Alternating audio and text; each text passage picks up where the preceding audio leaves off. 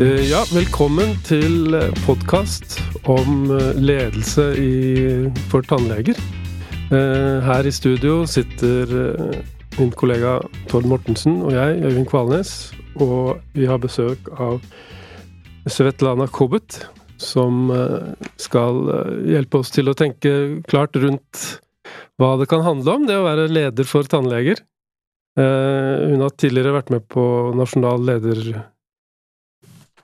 utdanning for primærhelsetjenesten.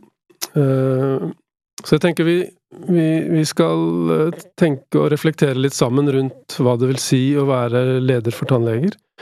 Men vi kan begynne kort med å presentere oss selv. Eh, Mitt navn er Øyvind Kvalnes. Jeg er førsteamanuensis her på Handelshøyskolen BI. Og jeg skal være med på å undervise på dette kurset i ledelse for tannleger. Svetlana, kan du si litt om deg selv? Ja. Svetlana Kobet heter jeg. Um, kommer fra gamle Østfold, nye Viken fylkeskommune. Eh, leder, klinikkleder i den offentlige tannhelsetjenesten i Viken sør-øst, som vi nå heter, da. Mm. Mm. Og du har lang erfaring fra tannhelse. Ja, jeg har en eh, åtte, åtte års erfaring Hmm. fra tannhelsetjenesten, både privat og offentlig. Ja. Mm. Ja, eh, Tord Mortensen, eh, psykolog, og også med på dette programmet fra, fra Handelshøyskolen BI. Og eh, jeg har, min, min erfaring fra tannlegen, tannlegetjeneste, den består i at jeg har vært pasient, som dere kaller, kaller oss for. Jep. Eh, så jeg tenkte vi kunne, eh, Øyvind, at vi kunne begynne litt med litt sånn hvor du har vært i, i verden. Jeg hører at du har, eh, du har litt nordnorsk aksent, Ja, ja. så jeg blir litt nysgjerrig på hvor du Jeg er fra Tromsø sjøl, da. Ja, det er der jeg har bodd eh, mesteparten av de årene jeg har bodd i Norge. Og min ja, barndom og ungdomsskole, videregående universitet, det var i Tromsø. Og så begynte jeg å flytte litt rundt på meg etter jeg ble ferdigutdanna. Nettopp. Så du har ikke virka som tannlege i Tromsø, da? Jo, jeg har jobba som tannlege der òg. Å ja, ja. Ja da. Eh, men eh, det var litt sånn frem og tilbake, egentlig. Med Ja, for å si det kort, det ble jo Finnsnes, Tromsø, Oslo, Tromsø, Halden. Nettopp, ja. Yep. Hvor artig. Da, da ser jeg at vi har allerede noen felles punkter, for jeg er faktisk født i Lenvik kommune, og det er i, eh, i, på Finnsnes, da. Ja, ikke sant?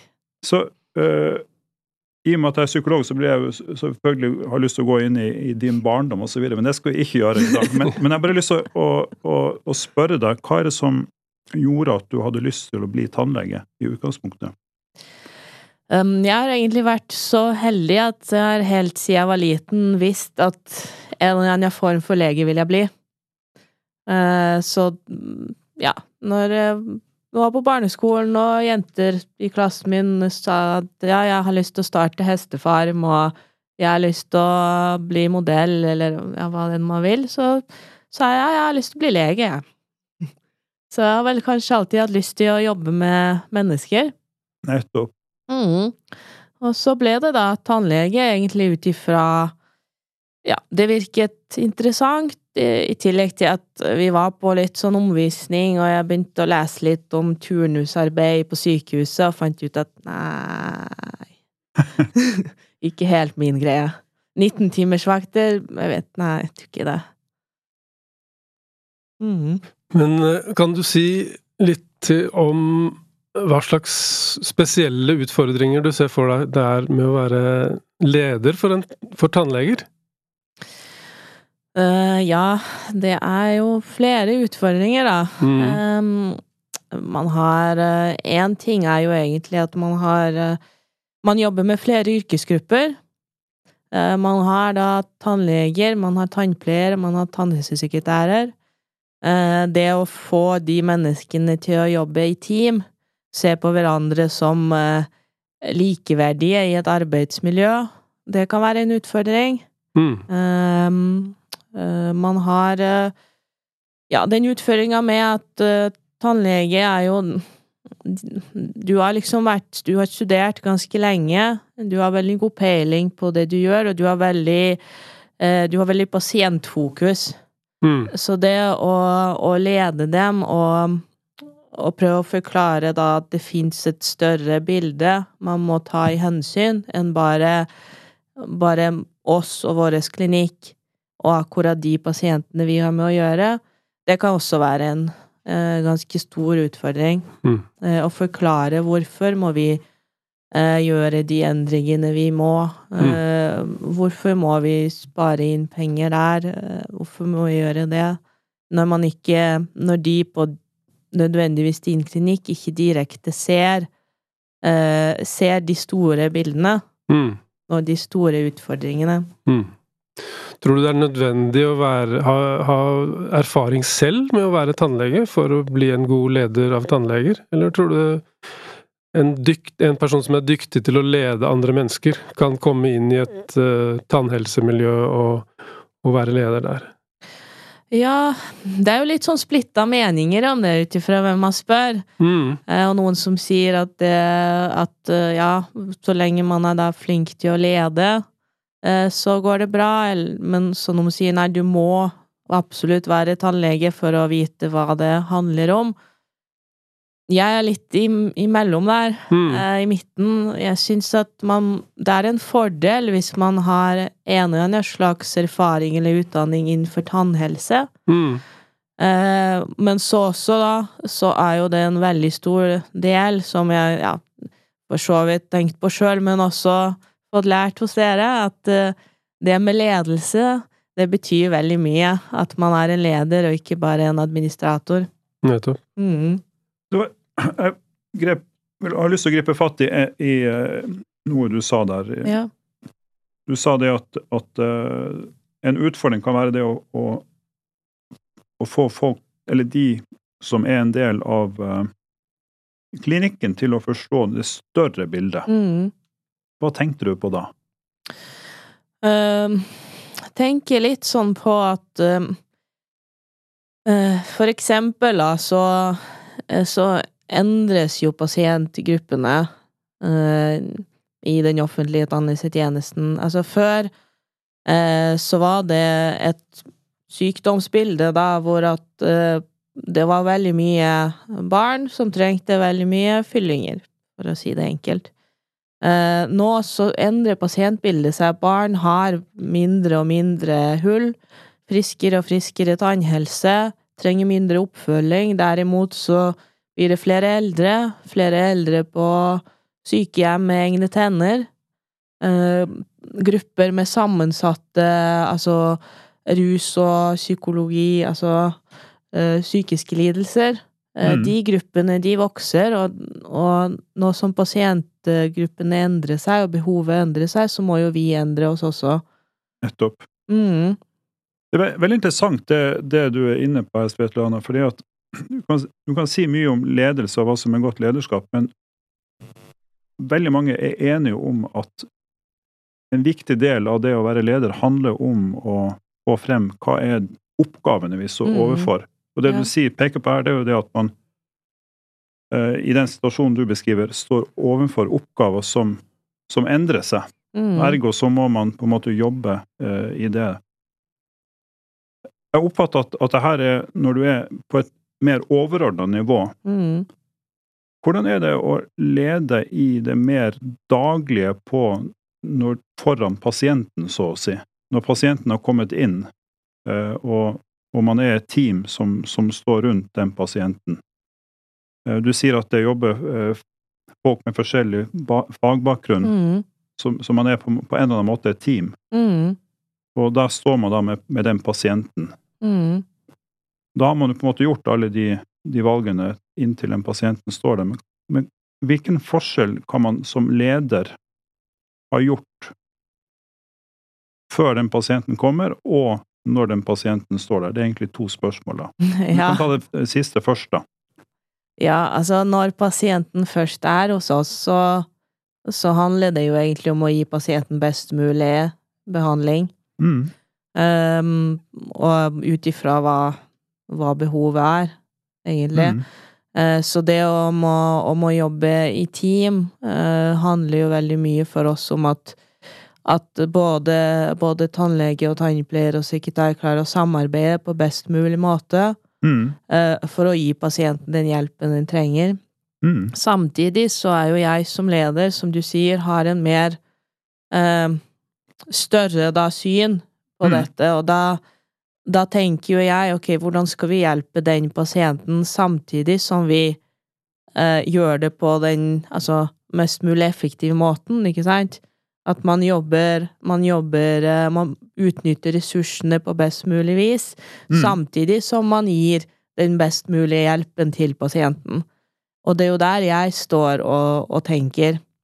Fordi den eh, Min Altså, en tannlege eller en tannhelsesekretær eller en tannpleier på min klinikk tenker nødvendigvis ikke i de banene. De tenker ja, ok, den pasienten trenger det og det og det og det, og da må vi gi den det og det og det og det.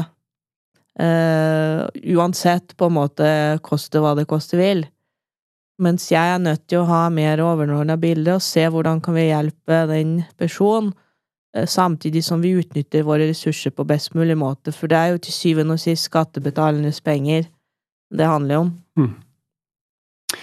Eh, Vi som skal undervise tannleger og hjelpe dem til å bli bedre ledere, kan vi forvente at de vi møter Eller, eller kan vi forvente at det er et hierarki i et tannhelsemiljø, eller kan vi forvente at folk jobber rimelig greit på samme nivå, eller hvordan, hvordan tenker du rundt det? Tror det kan variere litt. Ja. Variere litt ut ifra hvor, eh, hvor man er. Eh, Jeg tror ikke alle, eh, alle fylkene eh, og kommunene er like. Mm. Eh, Så det kommer litt an på menneskene som jobber der, og, og de lederne som er der også. Mm. Eh, Det har jo vært eh, før har det vært veldig mye hierarki, som du sier. Mm. At tannlegen står på en måte øverst, og så har man tannpleierne, og så har man sekretærene. Mm. Mens jeg opplever at mer min generasjon, vi er jo ikke vant til det. Jeg ser jo ikke på de jeg jobber sammen med, som på noen måte lavere stående, Mm. eh, bare på grunn av de har en kortere utdannelse enn det jeg har. Mm. Så vi, vi har en annen tankegang. Eh, Vi Ja. tenker at uh, alle er like viktige i det arbeidet vi skal gjøre Mm. for å få klinikken til å gå rundt. Uh, uansett om du er en tannpleier, tannsekretær eller en tannlege. Mm. Så jeg, men jeg tror det kan variere litt. Det, det sitter nok litt folk der, kanskje av den eldre garden, som er av en annen mening enn meg. Eh, og så er det folk som er. Så jeg tror det er variasjon. Det, går det på Du sier det at, at alle At man er like viktige. Og den ene siden av det er, går jo på, på status. Eh, en annen side av det kan gå på de oppgaver som skal gjennomføres. Mm, Eh, og, og i tradisjonen så ligger det jo at de type oppgavene, de, det gjennomfører tannlegen, Mm. det gjør tannpleier osv. Mm, så det er på en måte litt sånn vanntette skott mellom å, klare me- formeninger om hvem som skal Mm. gjøre hva. mm. Eh, kan du si litt om akkurat det? Ja, jeg skjønner hva du mener, eh, men samtidig så Når jeg tenker, så tenker jeg at ja, ok, det er tannlegen som eh, som skal gjøre må gjøre den rotfyllinga, for det er bare han eller hun som kan gjennomføre. Men så handler jo det så mye mer enn bare det, ikke sant? Hva med den som tar imot pasienten først, for eksempel tannpleiere som gjør en generell undersøkelse? Eh, altså, uten dem eh, så kommer jo kanskje ikke pasienten videre, da. Eh, de driver veldig mye med forebyggende arbeid, med tilvenning. Eh, det gjør jo også at eh, pasienten sin eh, tannhelse blir bedre. Tannhelsesekretærene, de er jo de, er jo de som driver og, og, styrer rundt på klinikken. Altså, eh, hva, hvordan skal tannlegen jobbe hvis han ikke har en tredje eller fjerde hånd å hjelpe seg? eh, Hvis han trenger det. Mm. Så jeg føler at i forhold til, eh, til oppgaven som skal gjennomføres, eh, som da mener jeg da å hjelpe pasienten, så er alle på klinikken like viktige. Og, det går også inkludert i at man overtar hverandre sine oppgaver, går litt inn i Ja, hverandre sine sant? oppgaver også. Ja, Mm. og det er jo også det som eh, egentlig vi prøver å, å jobbe mye med eh, i gamle Østfold. eh, er det å, å, um, å få de gruppene til å samarbeide enda mer. eh, sånn at den oppgaveflyten kan bli enda bedre.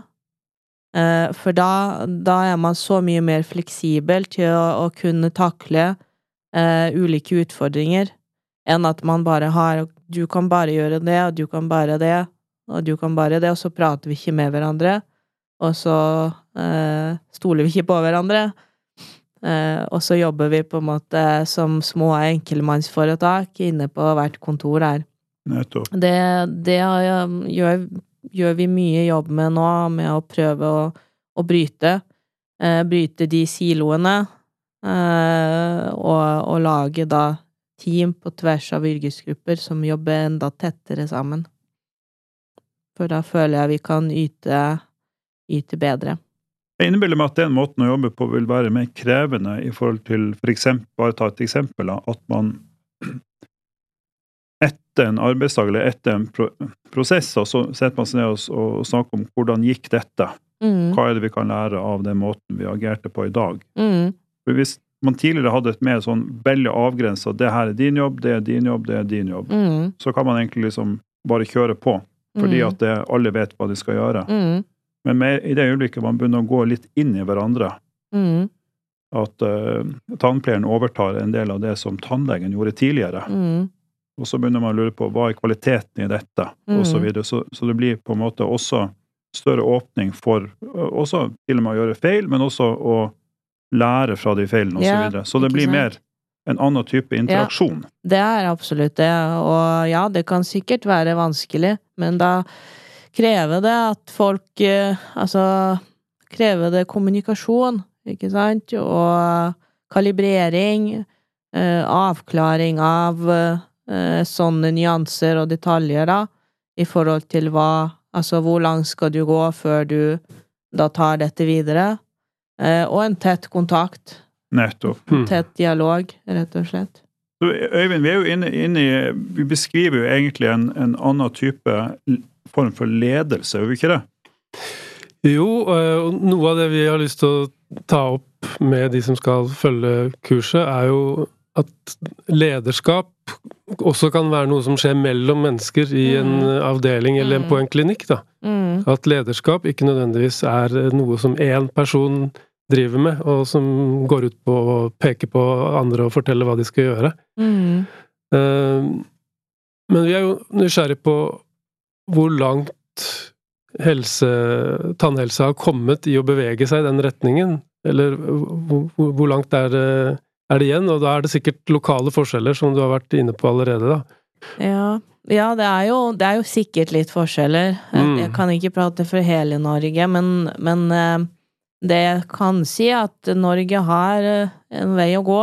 Altså, Mm. vi har i, I forbindelse med, med det studiet, da, eh, så har jo jeg og min kollega hatt en eh, prosjekt og en oppgave jeg har skrevet, som har gått litt på det her med ressursbruk og overføring av oppgaver og Um, altså de temaene der, og vi har jo lest uh, litt artikler og, fra utlandet. Vi har uh, intervjua um, en uh, sjefstannlege fra et område i Sverige som har fått til noe veldig bra, og jobba med endringsarbeid siden slutten av 90-tallet. Så det er uh, Ja, det var veldig inspirerende. Uh, så vi, vi har en vei å gå der med å, å skru om tankegangen lite grann, og, og begynne å tenke på å jobbe annerledes. Ja. Så dette var for en oppgave som dere skrev på den uh, lederutdanninga Ja. på, på nasjonalt nivå. Ja. Så hva, hva var egentlig hovedfunnene deres uh, i prosjektoppgavene deres? Hovedfunnene var jo egentlig at eh, eh, det fins mye ressurser hos oss uh, som enda er på en måte ubrukt. Eh, og det at hvis vi hadde jobba på litt annet sett og utført oppgavene på andre nivåer, ikke sant, og jobbe på lavest mulige nivå, som det heter da, Mm. Eh, så kunne vi så kunne vi spart en god del ressurser som Eh, vi satte opp en teoretisk oppstilling hvor vi fant ut at hvis vi erstatter noen tannleger med noen tannpleiere, at vi har flere tannpleiere per tannlege, så kom vi frem til at vi kunne spare inn 30% av lønnsutgiftene våre. Det er ganske mye. Det er ganske mye, og det var jo mm. teori, så hvis vi sier, la oss si bare 10-15% i praksis er allerede veldig mye. Mm. Eh, og hvis man tenker på en budsjett som Viken har, da, mm. eh, så da blir det plutselig veldig mye. Ja. Eh, og da er det ikke nødvendigvis at de pengene skal eh, altså forsvinne ut i fylkeskommunen, eller noe sånt, men de kunne brukes til eh, for eksempel mer eh, mer videreutdanning eller kompetanseheving som behandlere ofte ønsker seg og sånne type ting. Mm. Uh, Men er det noen av disse tingene dere fant ut som, som, du har fått sjanse til å ta ut i praksis etterpå? Ja, vi har jo, i og med at vi har undersøkt det, så har vi også kartlagt ganske uh, ganske mye i forhold til min klinikk og min kollega sin klinikk. Uh, hva er det vi egentlig gjør av pasientbehandling? Og vi har mm. jo funnet ut at Eh, på min klinikk har jeg funnet ut at 55 eh, av behandlingene vi gjør, er egentlig sånn slags, som jeg kan kalle det, tannpleierelaterte oppgaver. Mens vi har fremdeles bare to tannpleiere og fire og en halv tannleger. Så egentlig så burde vi i hvert fall kunne vært én til én. Mm. Sånne type ting. Så vi har liksom gått ganske i dybden eh, og trukket ut tall og statistikk fra journalsystemet vårt. Det er spennende. Mm, veldig spennende. Mm. Det, ja. Man hører jo Jeg blir nysgjerrig på det, det inngangen din var at du hadde lyst til å bli noe i den gata, tannlege, lege, mm -hmm. og så etter hvert fant du ut at det ble tannlege. Mm. Og og sykepleiere finnes det ganske mange av. Yep. uh, og, og jeg, jeg, tror alle har snakka med en sykepleier som ikke har fortalt meg en, en, eller flere, en, eller flere, historier om at man måtte lære opp den nye, tann, uh, den nye legen som kom nyutdanna og ikke skjønte mm. uh, en del sammenhenger. Fordi at 30 år eller 20 års med erfaring som sykepleier, du, du lærer ganske mye. Ja. Går det an å tenke at det Jeg har aldri snakka med en tannpleier som, som, har sagt det samme. At uh, denne nyutdanna tannlegen jeg måtte lære han opp, for han skjønte noe ikke helt dette her. Uh, det, det, slår meg egentlig når du snakker, fordi at du, du sier at, at vi, vi, burde egentlig få flere tannpleiere. Mm. Fordi at de gjør en, en veldig viktig jobb. Mm. Og 55 er ganske høyt tall. Mm. hva er det tannpleiere kan lære tannleger, tror du? En, en veldig god tannpleier med lang erfaring, kom, da kommer det en ny tannlege inn. Ja. Um, jeg tenker den personen har jo da, som du sier, mange års erfaring, så man kan for eksempel lære det her mer med uh, hvordan man Altså, hvordan prater man med pasienter? Altså, vi har jo ikke I det offentlige så har ikke vi vanlige voksne mennesker som kommer inn, og så gjør du det de trenger, og så går det igjen. Vi har barn, vi har folk med ulike handikap, kanskje psykiske problemer, eldre. Altså, det, det, er folk som du Du må kanskje ha erfaring med hvordan kommunisere for, å, for at de skal uh, føle seg ivaretatt, for at de skal forstå, for at de skal føle seg trygge. Så det tror jeg en tannpleier kan godt lære en nyutdanna tannlege. Hvordan er det du kommuniserer med de og de typene pasienter? Kjempespennende. Kan du mm. si det på den måten, eller kan du si det på den andre måten, eh, for å få mer kooperasjon fra pasienten? Det er ikke så lenge siden jeg satt i tannlegestolen og, og hadde en fersk tannlege mm. som øh, sikkert var faglig dyktig. Mm. Men som var litt keitete i kommunisere. Mm. Og også, han var også ganske stor kar, så han var litt keitete og skumpa borti forskjellige ting i Han var ikke helt vant til å manøvrere inne i, i rommet der, egentlig. Ja. Men uh, jeg har tro på han. Altså. Jeg tror han uh, kan Mm. utvikle seg. Men uh, det, er, det er et sånt eksempel på at vi som pass, kommer til dere som pasienter, vi, vi trenger å forholde oss til et lag av mennesker. Ja, ikke sant? Eh, unge og gamle, nye og erfarne. Og Mm. at uh, det som helhet er det som avgjør om dette blir en god opplevelse for oss. Ja, ikke sant? Og det er jo kanskje enda viktigere uh, når vi jobber i det offentlige, for det er ikke en, en, en, nødvendigvis en pasient som du kan si ting rett frem til, og han forstår hva, hva er det du egentlig mener, Mm. Nettopp. ikke sant? Mm. Og, og folk kan være redd, og, ikke sant, og barn, eh, de har jo veldig sterke opplevelser. Det er viktig å legge, legge godt grunnlag for et barn som skal begynne å gå til tannlegen, at dette er et trygt sted, Mm. og et sted du liker å komme til, og ikke trenger å være redd. Nettopp. Man legger jo grunnlaget allerede der. Mm. Kjempeinteressant. Mm. I dette kurset så kommer vi til å treffe tannleger som har eh, ambisjon om å gjøre mer av ledelse, Mm. og som kanskje ikke har er ledelseserfaring, da. Mm. Eh, Så hvis du hadde sjanse til å, å snakke til unge tannleger som eh, ikke har erfaring med ledelse Hva slags situasjoner tenker du deg de bør være forberedt på å møte? Hva, hva slags eh, Hva ville du sagt til dem som, eh, som en sånn eh, inngang til å ikke bare være tannlege, men også være en leder av andre mennesker? Ja. ja. Først og fremst så tror jeg jeg ville sagt uh, tenk to ganger uh, og vente litt før du svarer noe. Ja.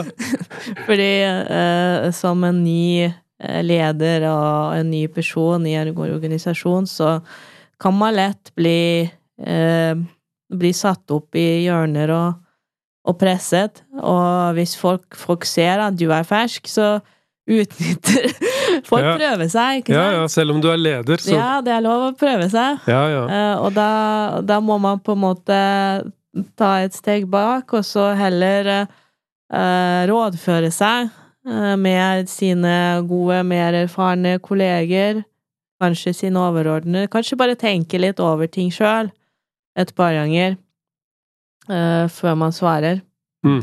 Det er i hvert fall noe jeg også eh, har lært, for det om jeg har hatt litt sånn ledelseserfaring i forkant. Ja. Men uh, man, man vil gjerne komme med, uh, med hjelp fort, med svar fort, men det er ikke sikkert det er den beste løsninga. Så akkurat i begynnelsen av lederskapet så kan man Mm. være sårbar for ulike Mm, taktikker, da. Ja, og strategier fra de som du skal jobbe med. ja, Ja, ja da. ja det er spennende. Ja. Det må vi forberede dem på, Tord. Veldig bra. Det, det du, du gir jo et lite Jeg er jo psykolog, da. Mm, Så, så jeg ble jo litt nysgjerrig på, på det du fordi at det, du gir en åpning som, som, er, som er veldig spennende. da. Mm, Eh, for du sier det at, at eh, i, i, i, i kampens hete, så, så det viktige er egentlig å få litt perspektiv mm, på seg selv. Mm, Og det er jo egentlig veldig mye psykoterapi handler om akkurat det. mm, Så det er en form for terapi da, som, eh, som leder. Da. Men hvis jeg skulle gå Og det her kommer et sånn typisk uh, psykologspørsmål, uh, som er litt krevende spørsmål.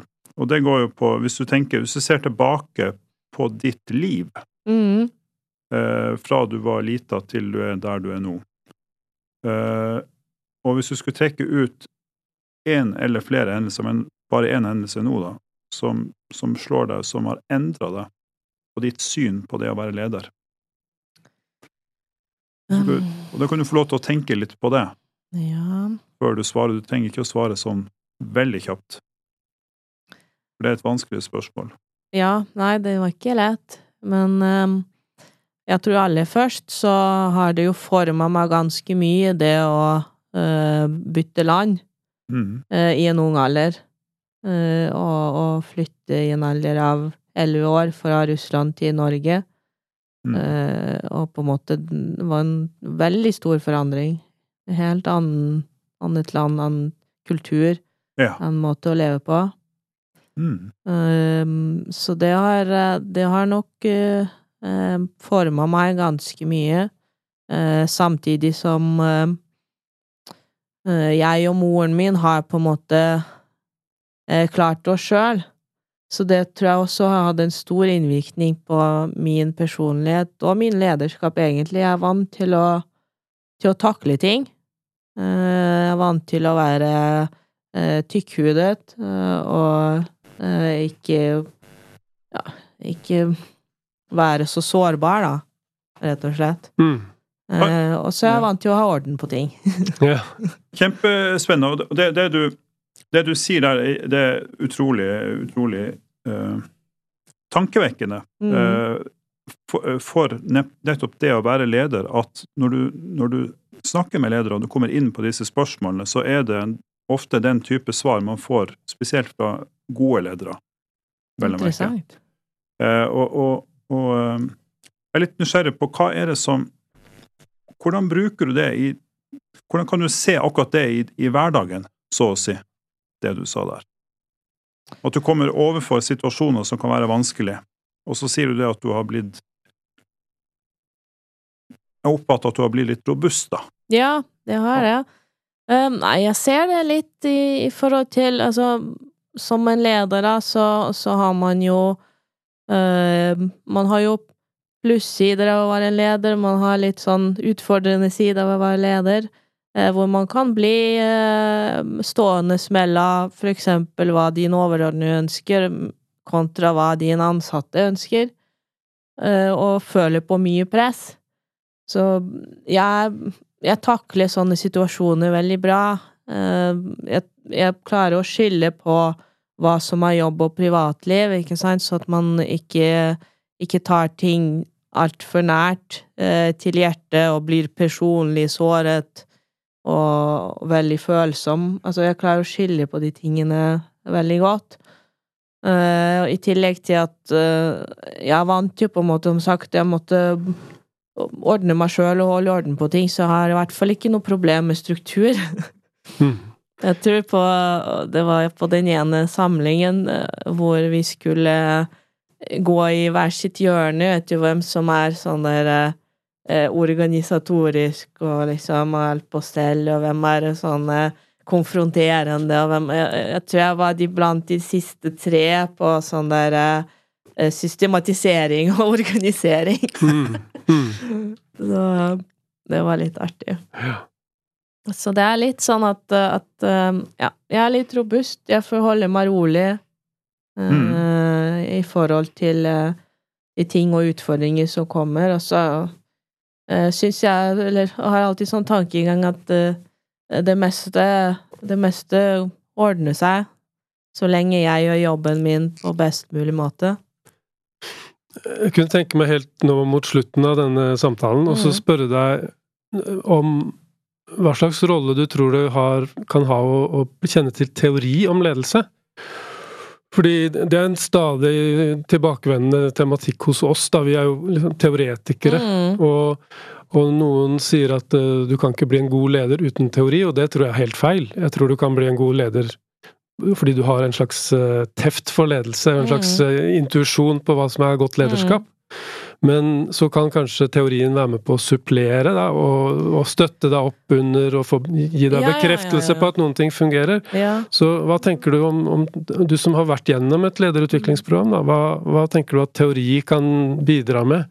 Jeg er egentlig helt enig med deg. Det var det jeg satt og tenkte på. At teori hjelper deg å supplere. Det er på en måte noe som du tenker at det er sånn og sånn det bør være, og det er den veien jeg bør gå og takle det på den måten. Men så har du, når du leser teorien, så hjelper den deg egentlig å sette ord på hva er det du egentlig prøver å gjøre, og se at å ja, men det her er jo faktisk en teknikk. Ikke sant? Og, og, og det at jeg prøver å, eh, å delegere og overføre oppgaver for å utnytte ressurs på best mulig måte, det heter faktisk lean, og det er et konsept. Og, mm. sant? Så man, man, eh, man får litt mer sånn eh, eh, Man kan få litt mer eh, tak i ting som man egentlig jobber med til hverdag, så sette litt ord på det, og eh, ja, ikke minst lære hva er det, hva er det jeg gjør når jeg når jeg har den samtalen med mine ansatte, hva, hva er det jeg egentlig driver med? Ja, det fins en intervjuteknikk. Det, Mm. Egentlig så er det det jeg prøver å gjøre. Mm. Så um, en veldig god supplement, og uh, vil absolutt anbefale all, alle, alle ledere. Jeg syns alle burde gå det studiet der her. Mm. Det er veldig bra. Mhm. Gjennom det intervjuet her med deg, det er jo et intervju, selv om det er en podkast, så har jo fokuset vært på deg. Eh, og hvis vi Jeg har notert eh, flittig underveis, og eh, det slår meg det at, at eh, det, er to svar som, som slår meg veldig sterkt i Mhm. det du sier. Det ene var når jeg spurte deg om uh, hva er det en tannpleier kan lære en tannlege. Mm. Uh, og da fikk jeg nesten følelse av at du, du kunne også ha passa som psykolog veldig godt. Fordi at du Du var veldig opptatt av eh, Og du forklarte på en veldig overbevisende måte at det å For det første så er det sånn at vi ønsker å ha dem her, og at de skal komme tilbake. Mm. Fordi at de skal være trygge. Og da tenker jeg selvfølgelig mm. Vi vet jo at det er 20% som aldri drar til tannlegen fordi at de har tannlegeskrekk. Mm. Så bare den altså det, det er åpenbart at det, at det lønner seg der og da, i det lange perspektiv. Men, men også dette med den måten jeg innbiller meg det at, at de pasientene blir møtt, mm. og hvor viktig du legger vekt på det. Eh, og så går du inn på dine egne erfaringer mm. med å komme fra Russland til, eh, til Norge, og hvordan det har, har påvirka deg. da. Mm. Eh, og så får jeg en sånn eh, Et bilde oppi hodet mitt at du er en person som, som eh, står han av. Det er sånn nordnorsk uttrykk. Ja, ikke sant? Ja, det er nok riktig. Men er, er det mye Hvor mye klarer du å få Hvor, hvor eh, Jeg er nysgjerrig på hvor, hvor, hvor hektisk er det i det, det møtet i, med, mellom pasient og tannlege og alt det der som skjer? Hvor- Hvor, kan ting gå galt der? For Mye av det vi snakker om, det går jo på egentlig hva- tilrettelegge forhold osv. Mm. Eh, gå mer på en sånn ett steg tilbake, men i på en måte i stormen Mm. Nei, med møtet med pasienten. Kan du tenke på noen situasjoner der ledelse har hatt en betydning? Eller er det meste gjort?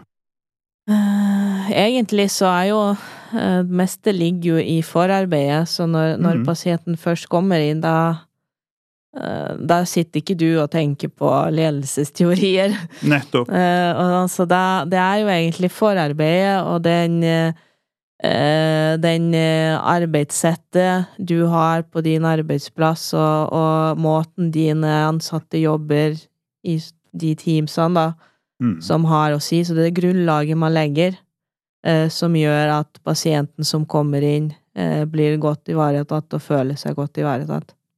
Og der kommer det tredje temaet du har vært opptatt av, dette med struktur og planlegging.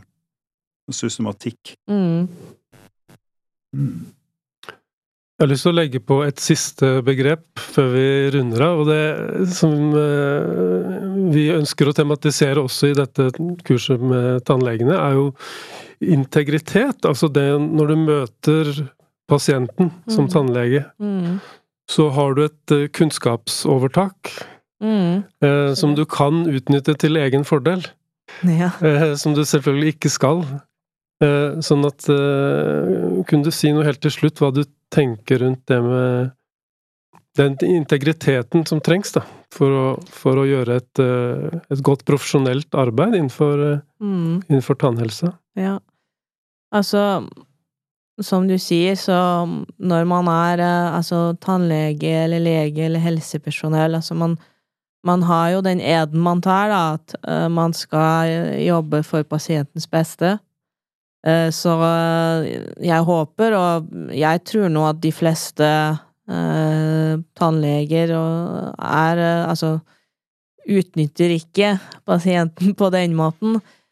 Men det kan jo godt hende, og jeg tror at i, i privat sektor er det kanskje litt mer fare for det enn i offentlig, eh, siden i privat sektor så jobber de for det meste på provisjon. Der kan det komme en dilemma for behandleren med eh, hva er egentlig best for pasienten, og hva tjener jeg mest på, for å si det så Mm. enkelt. Eh, I det offentlige så så unngår vi jo det, på en måte, siden det er eh, Vi tar ikke pengene til pasienten, og Mm. betaler ikke til oss. Men jeg har jo snakket med tannleger i det offentlige som sier at det de kan bli utfordret på, er at de eh, Egeninteressen deres kan være at uh, dette her er en pasient som jeg helst ikke vil ha noe mer å gjøre.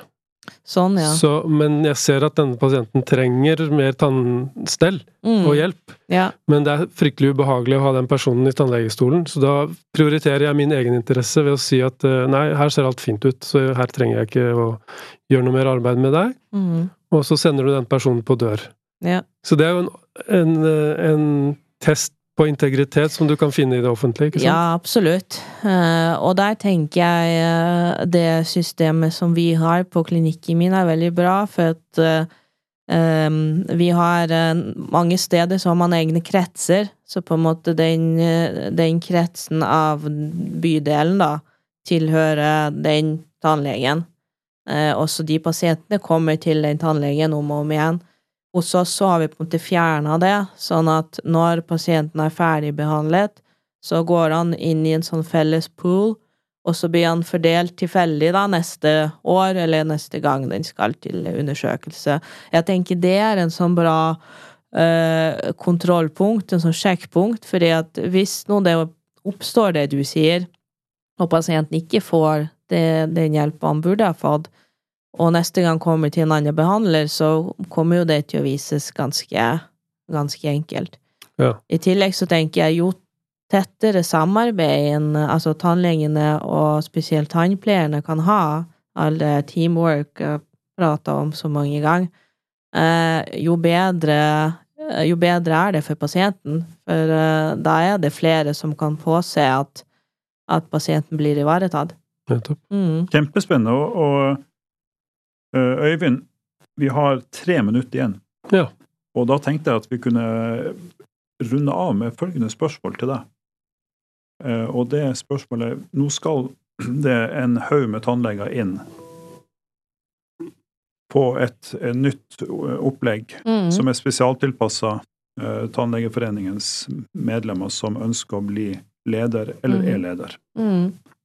Og vi skal ha eh, flere samlinger, og, og det her inngår også i det opplegget. Mm. Hvis du skulle gi et råd til de som skal inn i dette opplegget, hva ville det råd være? egentlig å eh, suge mest mulig kunnskap ut av dere som er med å undervise der. Eh, og eh, snakke med de andre på kurset. Eh, dele erfaringer. Det kan man lære veldig, veldig mye av. Eh, både med at man eh, ja, får nye ideer og ser at ting kan gjøres på andre sett. Samtidig som man får en sånn tilhørighetsfølelse med at jeg er ikke alene om det problemet. Dette her opplever en annen kollega en annen sted i landet. Og det er veldig støttende og betryggende. Veldig bra. Skal vi si takk for oss, Øyvind? Jeg syns vi skal si tusen takk for oss, og tusen takk til deg, Svetlana, for at du deler erfaringene og tankene dine rundt dette her. Det er veldig nyttig å ha denne praten og få reflektert og tenkt høyt sammen med deg. Mm, tusen takk for invitasjonen. Det var veldig hyggelig.